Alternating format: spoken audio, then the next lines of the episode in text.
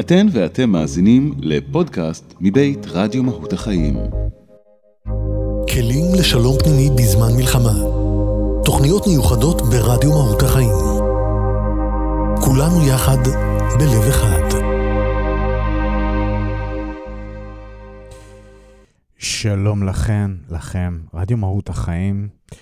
שלום פנימי בזמן מלחמה היא סדרת תוכניות שמשודרת אצלנו בימים א' עד ה' בשעה 11, ובכל פעם אני פוגש אה, אדם אחר שבתקופה הזאת יכול לתת לנו קצת צדה לדרך, פרספקטיבה, ידע, כלים, להתחזק מבפנים, אה, להיות יותר בשלום עם עצמנו בפנים, גם דרך עשייה, גם דרך הוויה, אה, הוויה. ואנחנו אה, כל פעם מנסים לתת עוד זווית של תקופה שהיא מאתגרת את כולנו, מאתגרת אולי את כל ארגז הכלים שאספנו כל החיים ברמות הכי קיצוניות שלו, כי המציאות עולה, מסתבר, על כל דמיון. שלום אורלי אדלר. שלום, שלום, אסי. מה שלומך? בסדר. ברוח התקופה. אמ, כמו כולם, אני חושבת, אבל אני יכולה להגיד שבסך הכל אני מרגישה מבורכת. אז אנחנו ננוע בציר הזה בין הסיפור קצת האישי שלך לבין העבודה שאת עושה. והמיזם שהרמת, ואת בעצם, אולי תני לנו, את יודעת שאני לא אוהב להציג אף פעם את האורחים, ועשינו דברים ברדיו, אבל תמיד למען מי שמקשיב פעם ראשונה, ויש לנו יותר ויותר מאזינים בתקופה הזאת, אה, יותר ויותר אנשים שמתחברים אולי לתדר הזה ולאיזשהו סדר יום אלטרנטיבי, ובאמת רוצים להתחזק מבפנים. אז תני לנו כמה מילים קצת עלייך, למי שלא מכיר. טוב, אז אני, אני אורלי. אה, המיתוג שלי זה הציפור הכחולה, ככה קוראים לי. אה, אני הבעלים והמייסדת של Bluebird Academy, שזה הבית ספר אה, הגבוה ללימודי המשך אה, והתמחויות למאמנים ולמטפלים. ויש לי גם את My Bluebird, שזה המרכז לשכלול ושיפור מיומנויות חיים לקהל הרחב, וכמובן קליניקה, שבה אני עובדת עם אנשים כבר יותר מ-20 שנה, מסתבר.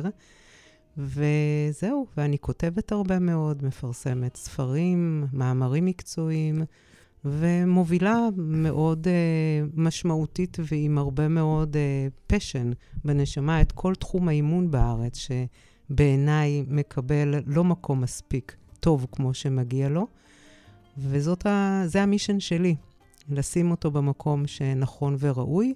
ובין השאר יש לי גם את קבוצת הברנז'ה של הציפור הכחולה, קבוצת למידה קבועה כבר ארבע שנים, שכל יום ראשון נפגשים אנשי מקצוע ולומדים עוד ועוד ומשכללים מיומנויות. זהו, זה מה שאני עושה בחיים שלי, המקצועיים.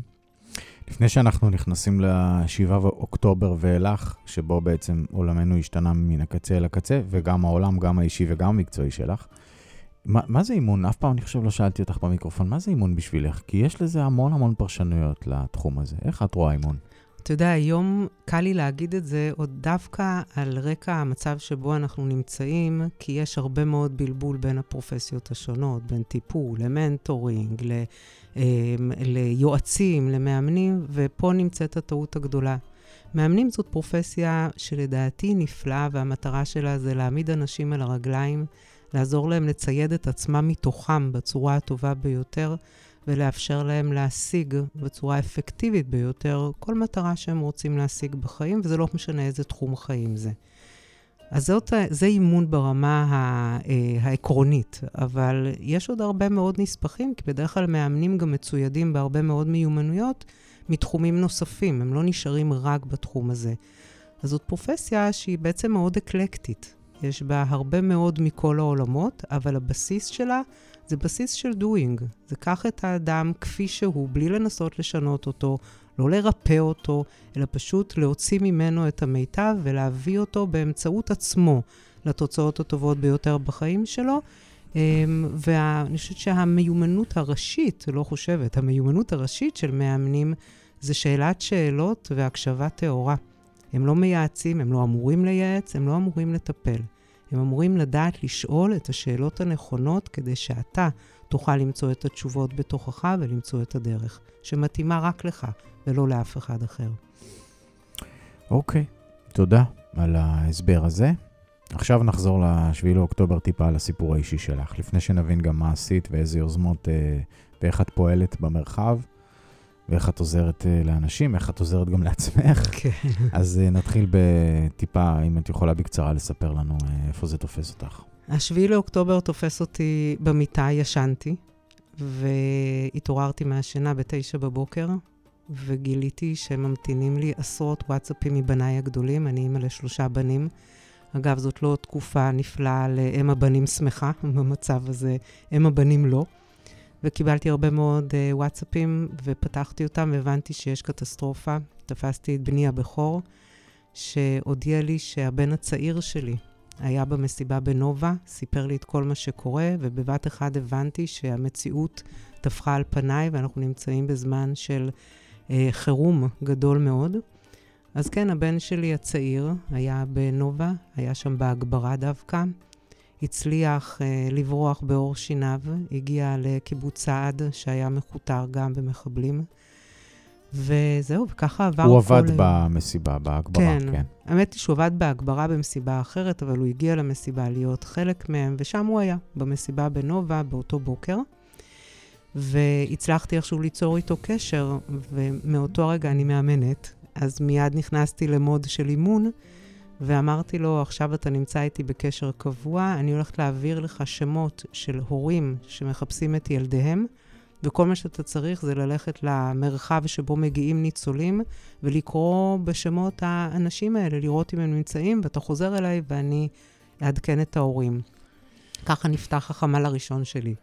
פשוט מיד התיישבתי שבת בבוקר מול הפייסבוק, הודעתי שיש לי ילד שם, וכל הורה שמחפש את uh, ילדו, פשוט שיתקשר אליי, הוא ישלח לי uh, הודעה, ואני אדאג להעביר את זה הלאה. וככה פעלתי בשעות הראשונות, כדי להחזיק אותו, כדי להחזיק את עצמי גם. אני חושבת, אחרת יש מצב שהייתי מאבדת את זה. ואני מאוד טובה בעשייה. אז uh, זהו, פשוט ישבתי, וזה מה שעשיתי במשך שעות ארוכות, והפכתי להיות סוג של תחנת ממסר. עבור ההורים אה, שמחפשים את הילדים שלהם ואין להם קשר. בלילה, בשלוש שלוש לפנות בוקר, הוא חזר הביתה, הוציאו אותה משם, ואני לא זוכרת מתי רצתי כל כך מהר. ראיתי אותו בקצה הרחוב ופשוט רצתי את נשמתי ונפלתי לו לתוך הידיים. אה, הנה עכשיו יורדות לי דמעות, אה, וראיתי אותו שלם ובריא בגוף.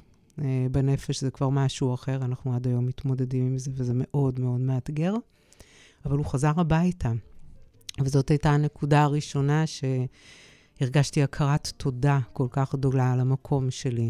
ולמחרת אה, גייסו את שני בניי הגדולים למילואים, שניהם בקרבי. אה, לשם, לעזה. הבן הגדול שלי, אה, היחידה שלו סופחה על ההתחלה, אה, קיבלו את המשימה הנוראית לאסוף גופות וחלקי גופות. אז הוא גם חזה בדברים קשים מאוד. מאוד, מאוד מאוד. והמשכתי את החמ"ל, זה היה קו ישיר אליו, מהבן שחזר, כי המשיכו להגיע אליי פניות של הרבה מאוד הורים שמחפשים, ונתנו לי כל מיני איכונים של טלפונים. והוא שם בשטח, כשעוד הצבא היה מבולבל ועוד לא ידעו מה מימינם ומשמאלם, פשוט שלחתי לו ולחבר שלו מהיחידה איכונים של טלפונים, שילכו לחפש בשטח את הילדים הנעדרים. וזה המשיך החמ"ל, סטפ 2. אותו הדבר, לצערי. הגדול לא נמצא אף אחד חוץ מילד אחד שאותר, כל היתר לא. וככה התחילה המלחמה אצלי. אה, שני הגדולים היו סדירים בצוק איתן, אה, ועכשיו הם היו מילואימניקים בחרבות ברזל. וזהו, ואני אימא, עם ילד אחד פגוע בבית, אה, נפשית במצב מאוד רעוע, ושני ילדים שיצאו למלחמה. לפני שאנחנו מדברים על דברים שעשית במקביל, כי לא... כי עשית לא מעט דברים, יוזמות, כמו שאת אגב, תמיד עושה, אני חושב שהיזמות היא חלק אה, נכבד מנשמתך ומשליחותך. איך אימא ישנה, אני שואל את עצמי כל הזמן, כששני החבר'ה שלה בשדה הקרב? אני יודעת שמצפים לשמוע שאני לא ישנתי טוב, אבל לי קרה משהו הפוך לגמרי וכמעט על גבול ההזיה. אני במשך שלוש וחצי שנים לא ישנתי. אה, אחרי החיסון השני של הקורונה, נפגע לי מנגנון השינה, וחייתי שלוש וחצי שנים ללא שינה. והייתי במעבדות שינה ואצל מיטב המומחים בארץ, בבתי החולים, ועברתי סדרות של בדיקות ותרופות, וכלום לא עזר, אפילו לא כדורי שינה. ביום הראשון של המלחמה, בלילה הראשון, אחרי שהבן שלי חזר הביתה, ועד לרגע זה ממש, אני ישנה כמו שלא ישנתי מעולם טוב. וזה היה משהו שהוא מאוד מפתיע, ועם זה גם הלכתי לרופא, ואמרתי לו, תגיד לי, והוא ליווה אותי שנים. אמרתי לו, תקשיב, זה וזה קרה. נפלה לו הלסת, הוא אומר, אני לא מבין, בחיים לא שמעתי על דבר כזה. ואז התייעצתי עם אנשים, אה, אנשי רוח, שאני בקשר איתם, ואנשים אה, מתחום הרפואה יותר ההוליסטית. ואני חושבת שהמסקנה הייתה שעם שלושה בנים במצב כזה, הגוף הבין, הגוף יודע. הגוף הבין שהוא לא יוכל להתמודד, ובבת אחד הוא הוריד את השלטר, או שהטראומה הזאת הייתה טראומה יותר קשה מהקודמת, והיא פשוט גרסה אותה. אז אני יכולה להגיד שדווקא בתקופה הזאת, אה, גם פה אני מבורכת, אני ישנה נהדר. מה את עושה עם הדאגות? אני שואל בשביל אנשים אחרים גם. כי אנחנו בתקופה של המון דאגות. תראה, אני חושבת שהיתרון, אה, שזה די הזוי להגיד את זה, אני דיברתי גם עם הרבה מאוד אימהות שפעם ראשונה הילדים שלהם אה, בשדה הקרב והן מתפרקות. אני זוכרת את עצמי בצוק איתן. אני הייתי במצב נפשי נוראי. אני חושבת שהפעם השנייה שאני חווה את זה, אה, מאפשרת לי להיות במצב קצת יותר טוב, כי כבר חוויתי את הטראומה הזאת פעם אחת בצורה קיצונית. גם הבן שלי האמצעי נפצע בצוק איתן. אז אה, יכולתי להכיל את זה קצת יותר בצורה סבירה, אבל בדיוק כמו שאמרת, עשייה, עשייה. אני עבדתי בתקופה, לפחות בחודשיים הראשונים של המלחמה, שבע בבוקר נכנסתי למשרד והייתי יוצאת בשתיים, שלוש בלילה ולא קמה מהכיסא. היו עוד שני חמ"לים שפתחתי להטסת ציוד אה, רפואי מאירופה לטובת החיילים שבשטח, כי קיבלתי עוד פעם דרך הבנים טלפונים מהקציני רפואה שאין להם ציוד לטפל בנפגעים שם, ומיד הפעלתי קשרים של אנשי עסקים אה, מאוד עשירים, עם הרבה מאוד קשרים באירופה, והתחלנו להטיס את הציוד הרפואי. ובמקביל לכל זה, זה היה החמ"ל הגדול שנפתח, שבעצם הלך עוד הרבה מאוד שבועות קדימה, וזה היה צו גיוס, מאמנים ומטפלים ישראל.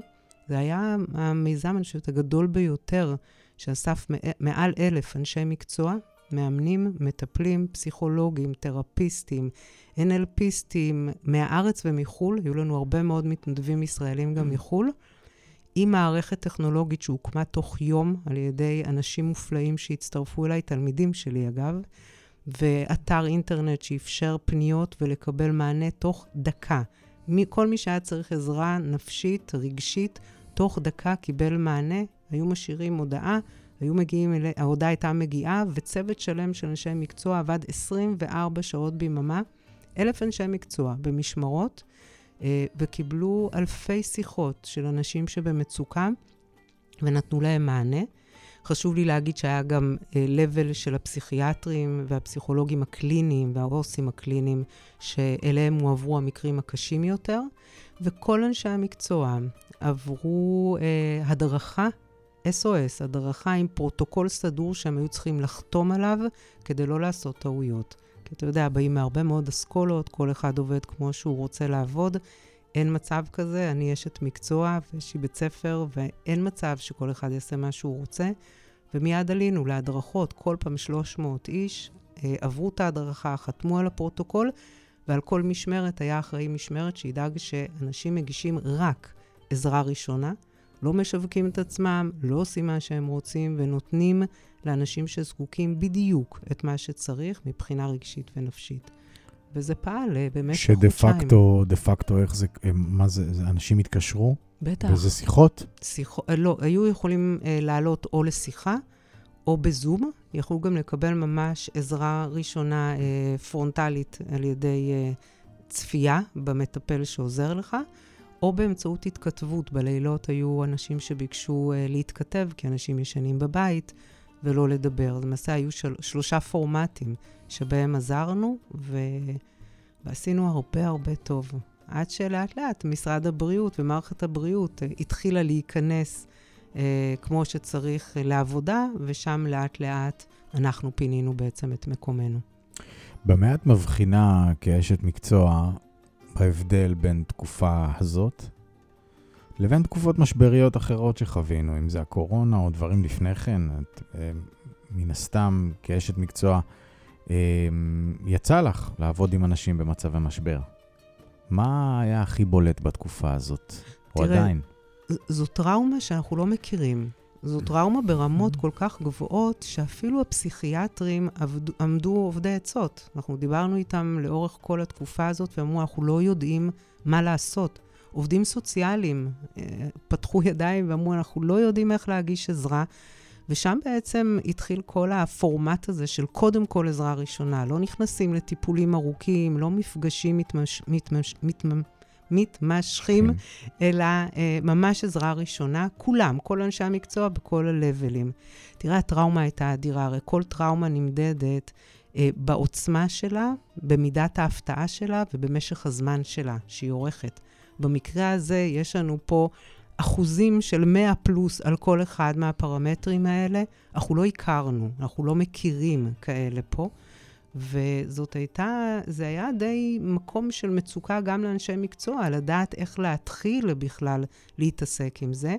וגם הרבה מאוד אנשי מקצוע היו זקוקים לעזרה של אנשי מקצוע, כי הטראומה המשנית מיד התלבשה עליהם. כשאתה שומע כל כך הרבה מצוקה, כל כך הרבה כאב, לילות שלמים שאנשים לא ישנים, פוחדים לצאת מהבית, הילדים לא מתפקדים, זה מקום שאנשי טיפול ואימון אה, סופגים. ואז גם הם בעצמם קיבלו עזרה, וזה היה חלק מהמיזם, שעוזרים גם אחד לשני. יש קבוצות תמיכה בתוך המיזם, כדי שהם יקבלו את המענה. גם אני בעצמי, מיד התחלתי ללכת לטיפול במשך התקופה הזאת, כדי להיות מסוגלת לפרוק את כל הכאב, אה, הצער, האבל שהיה, וזה ברמות שבאמת לא מוכרות. לא היה דבר כזה כאן. מהמם. יצא לך גם לטפל באופן אישי? בוודאי, בוודאי. תשמע, עד שכל המערך הזה התרומם, אני קיבלתי את הטלפונים. ואני למעשה בהתחלה רק ניהלתי שיחות עם אנשים, עד שבאמת כל המערך עמד על הרגליים, ואז עברתי לנהל את זה. אגב, היו סביבי עוד 13 אנשי צוות מופלאים, שעבדו ימים ולילות כדי שזה יקרה, לא הייתי לבד. אה, ואז באמת עברתי יותר לניהול ולתמיכה מקצועית במקרים שצריך דברים יותר משמעותיים, או שצריך לנווט פניות לכיוון כזה או אחר. מה, מה עוד את יכולה לשתף אותנו? זה הרבה דברים שהם כמובן אה, אישיים וכולי, אבל כשמאמן, איש מקצוע כמוך, פוגש את הסיפורים האלה, תספרי לנו קצת על ה... תכניסי לנו קצת לחוויה שלך, כמה שאת יכולה, וגם אולי כדי להבין, אולי אנשים שמאזינים לנו עדיין נמצא, נמצאים במצוקה, ואולי עוד לא קיבלו עזרה, אולי קיבלו עזרה חלקית. אני אה, מה- מה קורה קצת במרחב הזה? אז זהו, צריך להפריד בין מה היה לבין מה קורה עכשיו. כי- אנחנו רק נציין שהתוכנית מוקלטת בתחילת ינואר 24. אמ, תודה. אז צריך להפריד בין מה שהיה לבין מה שקורה עכשיו. כי מה שהיה, זה היה רק הגשת עזרה ראשונה. אנשים עוד לא, בכלל לא הסתדרו עם עצמם. זאת אומרת, היו פה כל מיני תופעות של אה, חרדות מאוד גדולות, של פחדים מאוד גדולים, של אבל, של עצב, אבל הכל היה מאוד חי, הכל היה מאוד מדמם. במצב כזה אין מקום לטיפולים ארוכי טווח, אין מקום בכלל למפגשים, יש מקום לקרקוע. וזה מה שעשינו בחודשיים הראשונים, בטח בחודש הראשון. פשוט לקרקע, להחזיר את האנשים להרגיש את האדמה, לחזור לנשום, לחזור להרגיש את הגוף שלהם ולאכול ולשתות. זאת אומרת, זה ה basic, אתה יודע, המאסלו בבסיס הכי נמוך. לחזור לבסיס. בדיוק. היום זה כבר משהו אחר, משהו כמו לפני חודש, בחודש האחרון של המלחמה, דצמבר, ועכשיו בוודאי, שם אנחנו חוזרים לפורמט של טיפולים ארוכים יותר. עכשיו אנשים מגיעים לקבל טיפולים. ואז יש, אה, יש שני, שתי קטגוריות. יש את קטגוריות הטראומה, הפוסט-טראומה והחרדה, ששם באמת נמצאים הקליניים. שצריכים לתת את המענה, שזה הפסיכיאטרים, פסיכולוגים, עו"סים, תרפיסטים, שמומחים בזה. ויש את אסכולת המאמנים והמטפלים, בטח אלה שעובדים באוריינטציה אימונית, שהיא יותר דוינגית, ה-CBT, ובכלל אימון באשר הוא, כאן נכנס, נכנסים תהליכים של חוסן מנטלי, החזרת התקווה ותודעת עושר. אלה שלושת המרכיבים שמחזירים אנשים לתפקוד, מחזירים אותם לחיים, מעמידים אותם על הרגליים, והם יכולים לחזור לתפקד בשגרה, כי מאוד קשה לאנשים עכשיו לחזור לשגרה. אז צריך להפריד ביניהם, וכולם מדברים על טראומה ופוסט-טראומה. חשוב להבין שאחוז הפוסט-טראומטיים והחרדתיים שיהיה הוא לא כזה גדול. יהיו, אבל לא כזה גדול. בעיקר אלה שזה פגע בהם במעגל הראשון או השני, באופן ישיר. כל היתר, אנחנו בני אדם, יש לנו מנגנונים של ריפוי ושיקום עצמי. רובנו לא נהיה פוסט-טראומטיים. רובנו כן צריכים לאסוף את עצמנו, לאמץ חוסן מנטלי שמאפשר להתנהל בעיתות כאלה, וזה עוד ייקח לא מעט זמן, ולחזור לחיים. את זה עושים באמצעות תודעת עושר, ובאמצעות כלים כאלה ואחרים של חוסן מנטלי, שבאמת מחזירים אדם לשגרה של חייו. כשהגעתי, דיברנו לרגע, סיפרתי לך גם שיש עכשיו מכה מאוד קשה, ואני עורכת על זה כרגע סקר, כי אני רוצה לכתוב על זה מאמר, בכל ההיבטים של מה שקורה למילואימניקים שעכשיו משוחררים בימים אלה מהקו, הם מפורקים. מישהו צריך להעמיד אותם על הרגליים, המצב שלהם הוא נוראי, גם בזוגיות, לא רוצים לחזור לעבודה.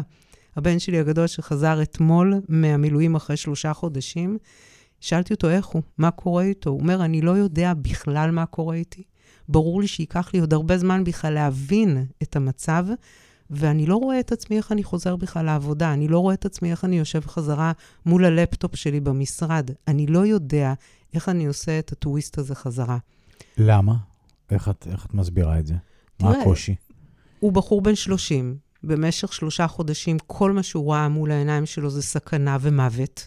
הרבה מאוד מוות. הם אה, נידו גופות פנימה והחוצה, וחיילים פנימה, ואספו גופות ו- ו- וציודים, והיו תחת אש וסכנת חיים, והרבה מאוד בשטח, והמון טסטוסטרון, הרבה מאוד אבק. ופתאום לחזור לחיים, ואתה יודע, בתי קפה, והחיים כאילו רגילים, ומצפים שמחר תקום בבוקר ותחזור לעבודה.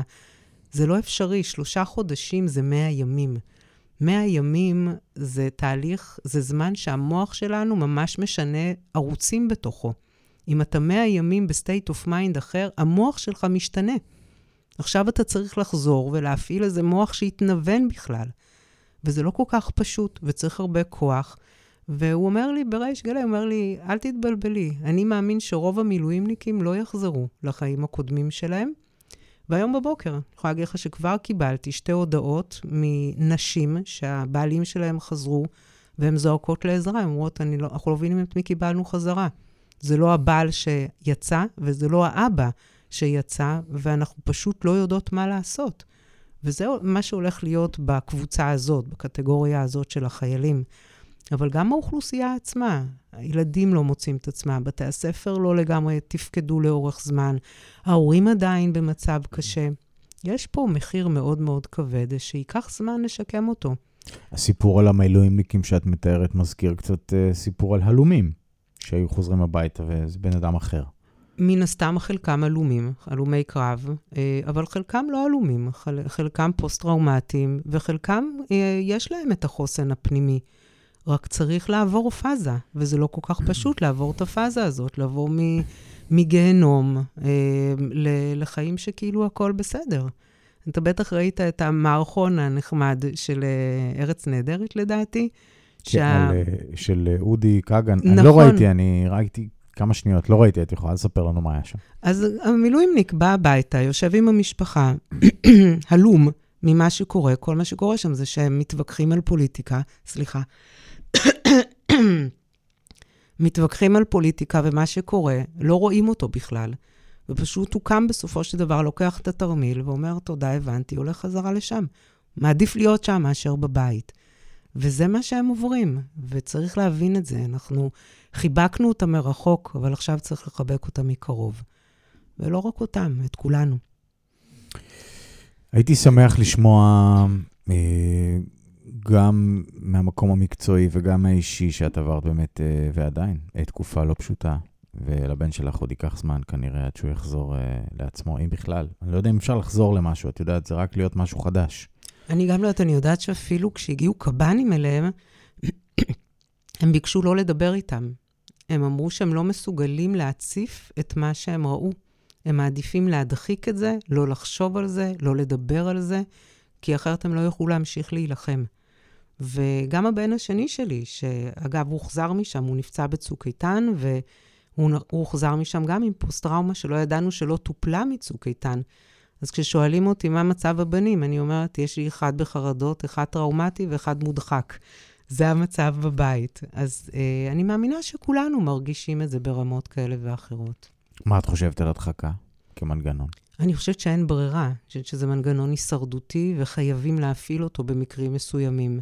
אין ספק שאחר כך לאט-לאט צריך לפתוח את זה, ואולי אפילו לא תמיד. לפעמים עדיף להשאיר את זה מודחק. הכל שאלה של איך זה משפיע באמת על החיים, וזה כבר באמת תלוי בחוסן המנטלי של כל אדם, והמנעדים הם גדולים. אמרת קודם doing doing, זה מה ששמר עליי בתקופה הזאת, העשייה. ועשית המון דברים, כמו ששמענו. חמ"לים, אה, צו גיוס קראו לה? צו גיוס, מאמנים ומטפלים ישראל. כן. כן. והיו עוד דברים שאת יכולה לשתף ש... שאת מרגישה ששומרים, שמרו עליך? כי אני הסתכלתי מהצד על העשייה שלך, לצד מה שאת עוברת ברמה האישית.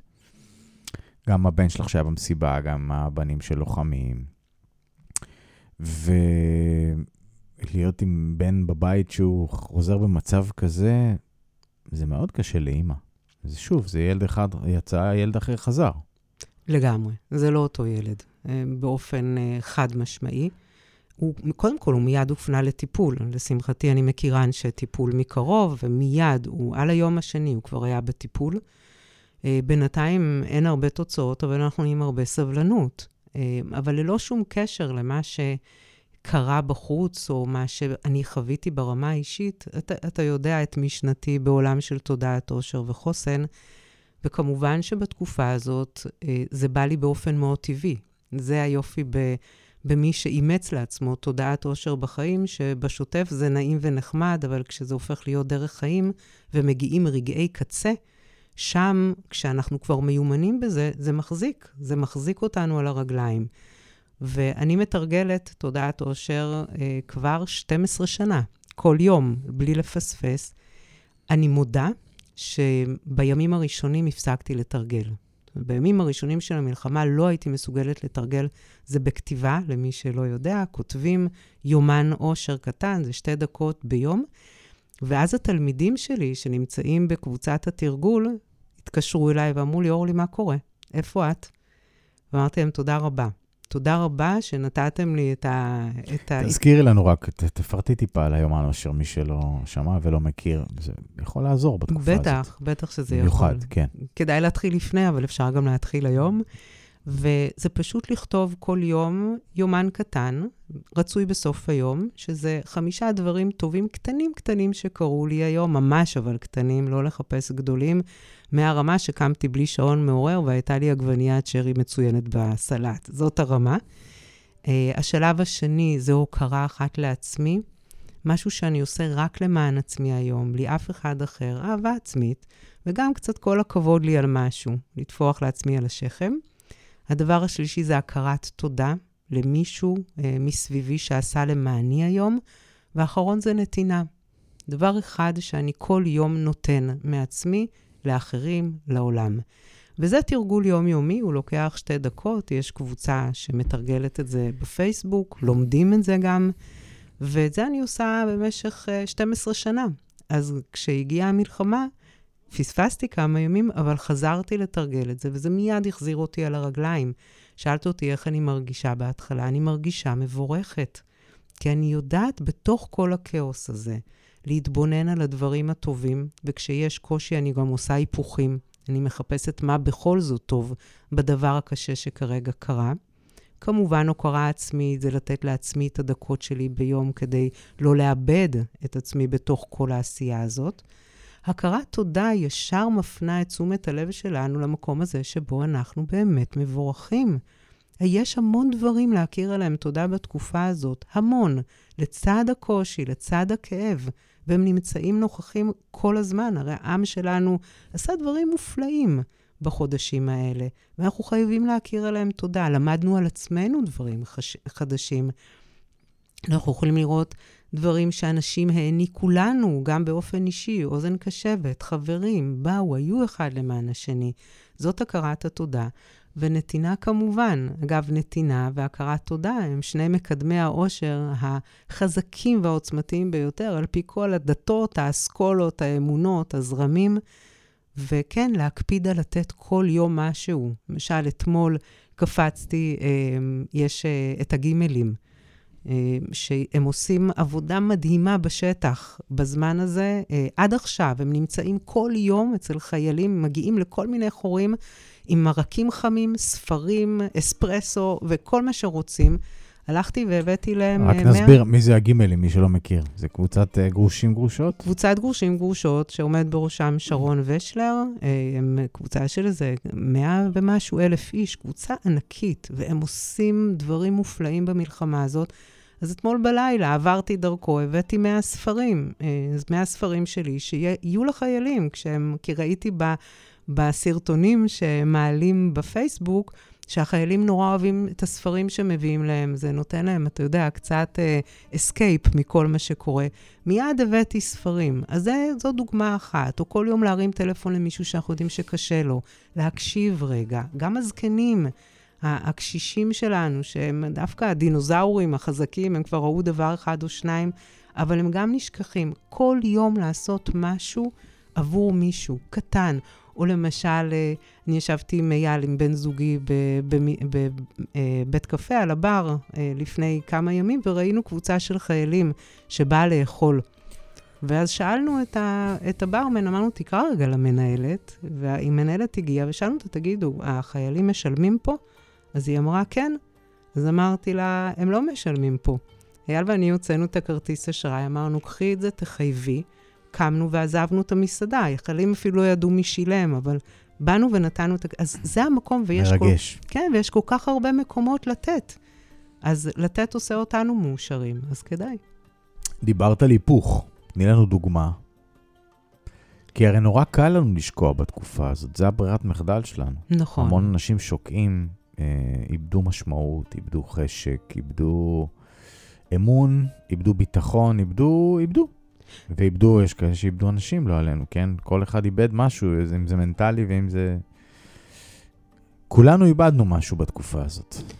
אני חושבת שלדבר על היפוך גלובלי, זה יכולים להגיד, זהו, נדבר על דברים הקטנים, יותר קטנים. בדברים אז... הקטנים, היפוכים קטנים. בדיוק. של יום, היפוכים של יום-יום. נכון, אז אני שומעת ידיעה מאוד קשה ברדיו, נכון? אנחנו שומעים את זה כל היום. אז אני שואלת את עצמי, מה, איזה ידיעות טובות כן נאמרו היום? זאת אומרת, אני מחפשת גם את הטוב לצד הפחות טוב. אני רואה שאין לי כוח לקום בבוקר מהמיטה. ההיפוך הוא שאני התעוררתי ואני שלמה ואני בריאה, ואני יכולה לעמוד על הרגליים. זה לא מובן מאליו. ואלה ההיפוכים הקטנים שנמצאים בכל מקום. כמובן שכשמדובר על אובדן, לעשות היפוכים זה הרבה יותר קשה. ויחד עם זה, יכולה להגיד לך מתוך הלוויות שהייתי בהן, של חברים של הבנים שלי, של ילדים של חברים שלי, אה, לוויות, שבעות, העוצמה שיש, אנחנו שומעים את ההורים השכולים מדברים, העוצמה שיש, היכולת שלהם לראות את הטוב. הייתי בניחום אבלים אצל הבחור המקסים שאולי גרינגליק, שנפל, שהיה בכוכב הבא. אני מכירה את ההורים שלהם, חברים שלי מפעם.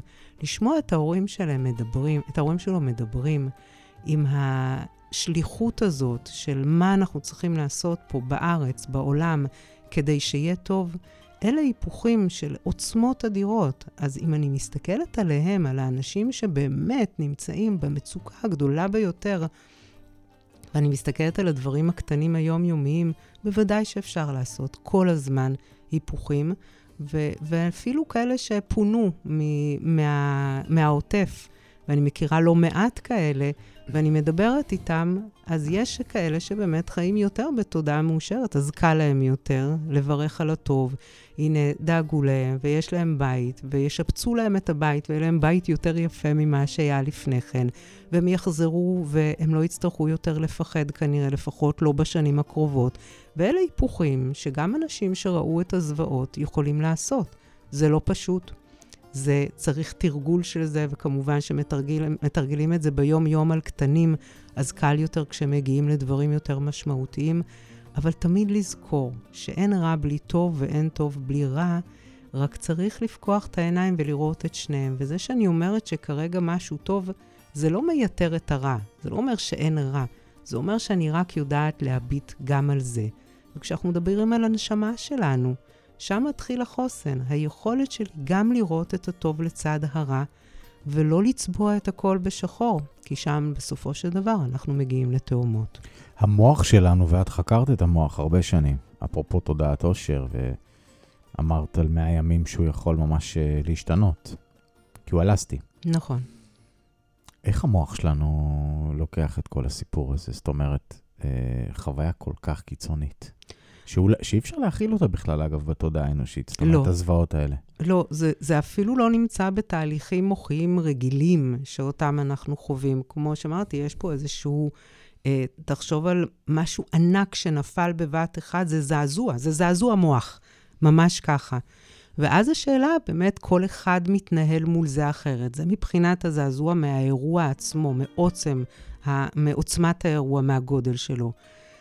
מבחינת ההמשכיות, כל אחד ברמות שהוא מסוגל ומתורגל. אנשים שרגילים למשל לקטר ולא לראות טוב, ימשיכו. וזה יהיה יותר חזק מאשר בדרך כלל. אנשים שהיו בייאוש, זה יהיה יותר חזק מאשר בדרך כלל. אנשים שהם אנשים שיודעים לראות את הטוב, יהיו מסוגלים לראות את הטוב גם כאן. זאת אומרת, המוח בסך הכל יודע לעשות את שלו.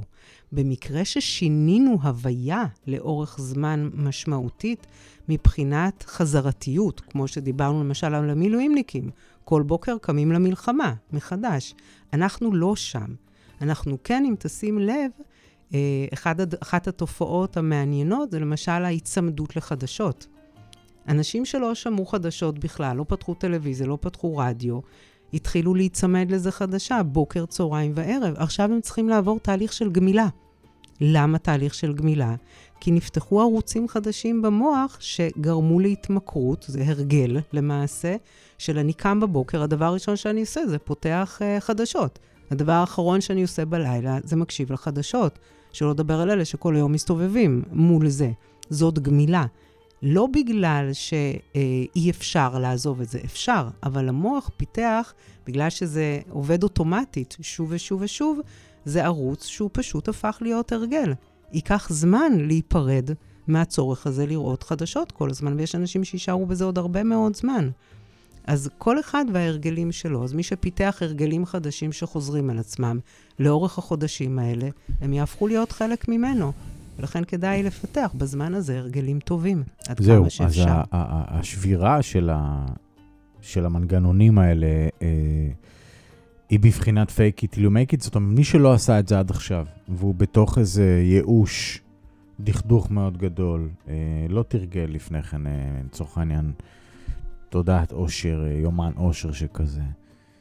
אה, זה fake it till you make it? זאת אומרת, זה להתחיל פשוט לתרגל? המוח הוא תמיד fake it until you make it. המוח שלנו נראה לנו נורא נורא חכם, אבל הוא די טיפש. זאת אומרת, הוא, הוא מנגנונים קבועים שחוזרים על עצמם. שום דבר נורא מיוחד יש שם. אני לא מדברת על המוח הרגשי, ששם נמצא אי שם מאחורה, אה, מוסתר במרתפי התודעה שלנו וצץ לנו בלי שאנחנו יכולים לשלוט עליו, אבל המוח הרציונלי, הקורטקס, זה דבר שאנחנו שולטים בו אם אנחנו יודעים לעשות עבודה נכונה, אחרת הוא שולט בנו. אבל המוח מאפשר לנו לעשות את הכל, ואם אנחנו מחליטים להתחיל היום לתרגל, בוודאי שזה ישפיע לטובה. זה ייקח יומיים, שלושה עד שנצליח לתרגל את זה, ותוך שבועיים, שלושה, זה כבר יהפוך להיות קל יותר, ותוך חודש זה כבר יהפוך להיות הרגל, ותוך שלושה חודשים זה כבר מוטמע בנו, כי זה לוקח מאה ימים. בוודאי שאפשר להתחיל עכשיו. כדאי לקבל קצת עזרה, אולי בהנחיה, אם לא יודעים איך להתחיל. ו- ויש מספיק, לפחות אצלי יש uh, צבא של מאמנים שהם uh, בוגרים של ההתמחות בחוסן מנטלי ותודעת עושר, וזה מה שהם עושים עכשיו. הם עוזרים לאנשים פשוט לתרגל את הדברים הקטנים האלה, ואני יודעת שזה נראה טיפשי וקטן, וכאילו, מה זה יכול כבר לעשות? זה מה שהמוח שלנו צריך, הוא לא צריך שום דבר אחר. אגב, זה נכון גם לגבי ספורט. זאת אומרת, מי שרוצה, יש כאלה שצריכים להזיז את הגוף, הרי כל אחד מגיב אחרת. אחת הדרכים, ואתה בטח דיברת פה עם הרבה מאוד אנשים על זה, זה להיות בתנועה. והתנועה מאוד עוזרת. אז אם אתה כל יום קם ויוצא ללכת בטבע, לנשום קצת אוויר אה, נקי, ואתה עושה את זה כל יום, בהתחלה זה קשה, אחרי שבועיים זה יותר קל, אחרי חודש כבר נוצר סוג של הרגל, ואחרי שלושה חודשים אתה לא תפסיק. וככה זה התמכרות, וככה המוח שלנו עובד. אז זה לא חשוב מתי אתה מתחיל, אתה רק צריך לרצות להתחיל, כי זה לא יבוא מעצמו. אה, זאת שאלה הרבה פעמים איך מתניעים את הרצון, כי חלק מהבעיה במצב של דכדוך זה שאין רצון. נכון. אה, שמואל שאול, בתוכנית אה, שעשינו גם בתקופה הזאת, אמר יפה, הוא אמר, הוא ביקש ממישהו להתחיל, הוא אמר לו, במקום להגיד, אני לא רוצה לעשות כלום, תגיד, אני רוצה לא לעשות כלום. בוא נתחיל ברצון ראשוני שאתה לא רוצה לעשות. כאילו, שזה יהיה הרצון. יפה. אני רוצה לא לעשות כלום בתור התחלה, שזה כבר להפוך משהו אה, ראשוני. איך מגיעים, אז אמרנו, ליומן אושר הזה, עם אנשים שרוצים להתחיל לתרגל את זה? פשוט צריך לפנות אליי, ואני אחבר את, את האנשים ליומן האושר הזה. זה, לא, אה, זה לא בפייסבוק קבוצה? זה כן, זה, אבל זו קבוצה סגורה. קבוצה בפייסבוק, סגורה. אז לחפש אורלי אדלר בפייסבוק? ולפנות אליי בפרטי, כן. ומעבר לזה, שאלת איך מגבירים את הרצון. אני חושבת שיש כמה דרכים. קודם כל, מאוד עוזר לעשות את זה עם מישהו אחר. שיש לנו מחויבות לעוד אדם, אז בדרך כלל אנחנו נוטים יותר לצאת ולעשות. זאת אומרת, יש לך חבר טוב, תחליטו על משהו אחד שאתם עושים, ואתם מרימים אחד את השני כדי לעשות את זה. זו דרך אחת, תמיד בחברותה יותר קל. שתיים, זה להתחיל מדברים מאוד קטנים. תקום בבוקר, כמו שאמרתי לבן שלי שחזר מנובה, אני לא מצפה ממך לשום, לשום דבר, אבל תקום בבוקר, תשטוף את הפנים ותאכל ארוחת בוקר. זה כבר עשייה, זאת אומרת, זה כבר להניע אדם לאיזושהי... הרמת את עצמך. בדיוק. כן. אז אני לא מצפה מאנשים לעשות גדולות ונצורות, אבל דברים קטנים. והדבר שהכי מרים בני אדם, זאת נתינה. זאת אומרת, אם אתה יודע שאתה צריך עכשיו לקום ולעשות משהו עבור מישהו אחר, בדרך כלל אתה תקום ותעשה את זה. אז פשוט למצוא איפה לתת, ויש עכשיו כל כך הרבה מקומות לתת, אה, כל כך הרבה חמ"לים עוד פתוחים, פשוט ללכת ולעשות עבור אחרים. זה הכל. החבר'ה האלה של היומן אושר זה ממש קהילה? זאת קהילה של אנשים שלמדו את זה. Okay. אוקיי. עכשיו זה גם פתוח לאנשים שלא למדו את זה כדי להקל על בני אדם. כעיקרון, מי שמתרגל שם בקבוצה הזאת לאורך הרבה מאוד שנים, זה מאמנים ומטפלים שלמדו את ההתמחות הזאת וגם עובדים. הם גם חייבים לעשות את זה בעצמם. ואנשים פרטיים שעשו את הסדנאות, סדנת 100 ימים, ששם לומדים לעשות את זה ברמה האישית.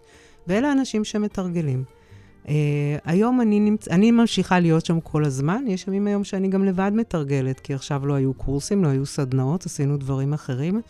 אני לא מזניחה את זה. כל לילה לפני השינה אני מתרגלת עם עצמי בקבוצה. וזה הדדיקייטד שלי לנושא הזה. ותשמע, זה עוזר לי, אז למה לא? לגמרי. כן. Uh, פשוט שאלתי על קבוצה ועל קהילה גם, כי רציתי לשאול, מה את חושבת שהחשיבות של קהילה בתקופה כזאת? Uh, קהילה זה אחד הדברים החזקים ביותר, אנחנו רואים את זה אפילו במעגל הראשון של המפונים. ועשו בשכל, את זה עשו בשכל המדינה, שהשאירו אותם כקהילות ביחד, ומנסים לדאוג שהם יישארו כקהילה. אבל זה לא יכול להיות גם הפוך? זאת אומרת שהם יורידו אחד את השני לבאסה, ואתה מתחיל...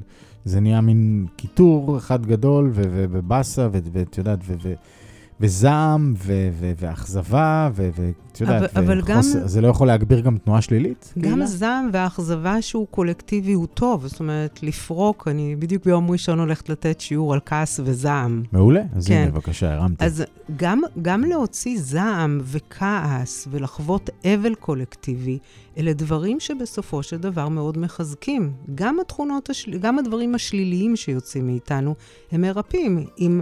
אם לא היינו זקוקים לכעס ולזעם ולאבל ולייאוש ולעצבות, כנראה שלא היו לנו את הדברים האלה בתוכנו. יש להם תפקיד.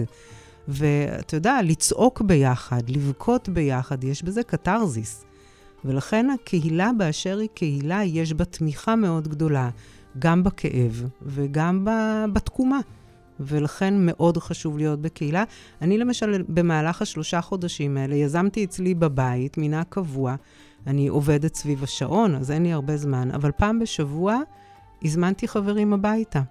פעם בשבוע באופן קבוע הזמנו אייל ואני חברים הביתה כדי לשבת קצת, לדבר עם אנשים, לפלטר את הכאב, וכן, גם לשתות כוסית יין ולהרשות לעצמנו מדי פעם להרגיש קצת טוב. כי... קצת נורמלים. קצת נורמליים, ואני אומרת קצת טוב, כי יש אחד הדברים המאוד מאפיינים את התקופה הזאת. רגשות אשם. רגשות אשם, בדיוק. ואני רואה את זה בעיקר אצל הבן הצעיר שלי, שמסתובב עד עכשיו עם, עם תרמיל של מיליון קילוגרם על הגב של רגשות אשם, של איך זה שהוא ניצל, ויש לו עוד שלושה חברים חטופים, והוא איבד קרוב ל-30 חברים שנטבחו שם. והוא אומר, לא מגיע לי, לא מגיע לי, למה אני כאן? למה לא לקחו אותי? והאשמה הזאת היא מאוד אשמת גדולה. אשמת ניצולים. כן, כן, אשמת הניצולים, ואנחנו כולנו ניצולים. לחלוטין, וגם אני אגיד שכל עוד שהחטופות והחטופים שם. קשה לחזור לחיים. קשה לחזור, קשה לשמוח בלב שלם, קשה להרגיש טוב, קשה להרגיש נורמליים, כשאתה יודע שיש אנשים שאין לך מושג מה הם עוברים. נכון. לי זה מאוד קשה. אני חושבת שלרובנו, ואתמול בדיוק שמעתי סיפור גם דרך אה, אה, תלמיד שלי, שהילד שלו חזר מהמילואים, והבת זוג שלו חיכתה לו כי הם תכננו להתחתן עכשיו, זה היה להם תאריך. והוא ביטל את, ה... ביטל את החתונה. הוא אמר, אני לא יכול להתחתן כשהחברים שלי פצועים, קטועי רגליים וידיים בבית חולים, ואחרים מתים. אני לא, אין מצב שאני עכשיו חוגג חתונה. וזאת אשמה שכולנו, אנחנו נסתובב איתה עוד לא מעט זמן. כאילו, אני יודע שחזרו חתונות ושמחות ואנשים מקיימים דברים. אני מודה שאני לא חושב ש... אני לא יכול ללכת לדבר, אני לא יכול, אני, אני לא יכול. תראה, כשאתה עשית אה, את ההופעה... הופע, כן, אז הצלחתי לעשות הופעה אחת, אז נכון. אז אני, לי, זאת ההופעה הראשונה שהלכתי אליה, ו, ואמרתי, איך, איך אני עושה את זה? ופה כשאתה מדבר על הכוח הקבוצתי, כמו שאמרת, פשוט לקחתי כמה וכמה חברים, היינו קבוצה של עשרה, והם משכו אותי למקום הזה. זאת אומרת, אמרו לי, יאללה, אורלי, יוצאים. אז זה מאוד קשה, אבל אתה יודע מה הקל עליי במקום הזה? דיברתי עם הבן שלי, ש... שעוד לא יצא אז מהמילואים, יצא פעם בשבוע, יכולתי לדבר איתו בטלפון, וסיפרתי לו על מה שקשה לי, על, על הכאב, על זה שאני לא מסוגלת לחזור לשמוח. ואגב, אושר ושמחה הם לא אותו דבר, אני מאושרת, אני לא הייתי שמחה בכלל. ו... ואז הוא אמר לי, אמא, תגידי, את נורמלית? בשביל מה אנחנו כאן? אנחנו כאן כדי שתחזרו לשמוח, כדי שתחיו את החיים שלכם, כדי שיהיו חיים במדינה הזאת. אם אתם לא תחיו שם, אז מה אנחנו עושים פה? אז בשביל מה אנחנו מקריבים את החיים שלנו בשטח? אנחנו כאן כדי שאתם תהיו שמחים ותחזרו לשגרה. וכשהוא אמר לי את זה, הבנתי את ה-state of mind, היפוכים מהמקום האחר. זה תמיד מזכיר לי את ה... מה שצ'רצ'יל אמר. אה, פנו אליו במלחמת העולם השנייה, אה, שהם אה, רוצים לקצץ בתקציב של התרבות באנגליה כדי ליותר תקציבים לביטחון, והוא לא היה מוכן. אז אמרו לו, מה, אבל יש מלחמה. כן, הוא אמר, אוקיי, בשביל מה אנחנו חיים? יפה, ואם אני, יורשה לי אני אוסיף, לפני המון המון המון שנים ניהלתי את איבסן לורן, בארץ, במזרח התיכון, ואחד המחקרים שעשו באיבסן לורן היה על תקופת מלחמת העולם השנייה. ונמצא שבתקופת מלחמת העולם השנייה נמכרו הכי הרבה, בצורה דרמטית, באחוזים ניכרים, שפתונים, ליפסטיקים בצבע אדום. ואז ניסו לבדוק מה פתאום נשים קונות ליפסטיקים בצבע אדום בזמן המלחמה. אז אנשים אמרו שהן אחראיות על המורל הלאומי, והם הסתובבו עם ליפסטיק אדום. וזה מה שהיה. אז כן, יש, יש את ה... זה הטוב והרע שחי אחד לצד השני. זה כוחות החיים, זה האין והיאנג. אנחנו חייבים גם לחיות, אחרת בשביל מה מתים. וזה המעגל, מעגל החיים שהאחריות שלנו היא להחזיר אותו להסתובב. ייקח לנו זמן. זה לא פשוט, אבל אני חושבת שזאת החובה שלנו, לחזור לחיות בסופו של דבר. אורלי אדלר, אה, נסיים כאן נראה לי. באהבה. תודה רבה לך על אה, שיחה בהחלט... אה, חושב, חשובה. אני מקווה שמי שהאזין ומאזין נתרם לפחות כמוני. השיחה הזאת כמובן גם בספוטיפיי, גם באתר שלנו ב-on demand. וחפשו את אורלי אדלר בפייסבוק כדי להתחבר ליומן העושר. נראה לי שזה זמן טוב לתרגל. תודה רבה, אסי. תודה לך, תודה לכן, לכם, על ההאזנה. בשורות טובות.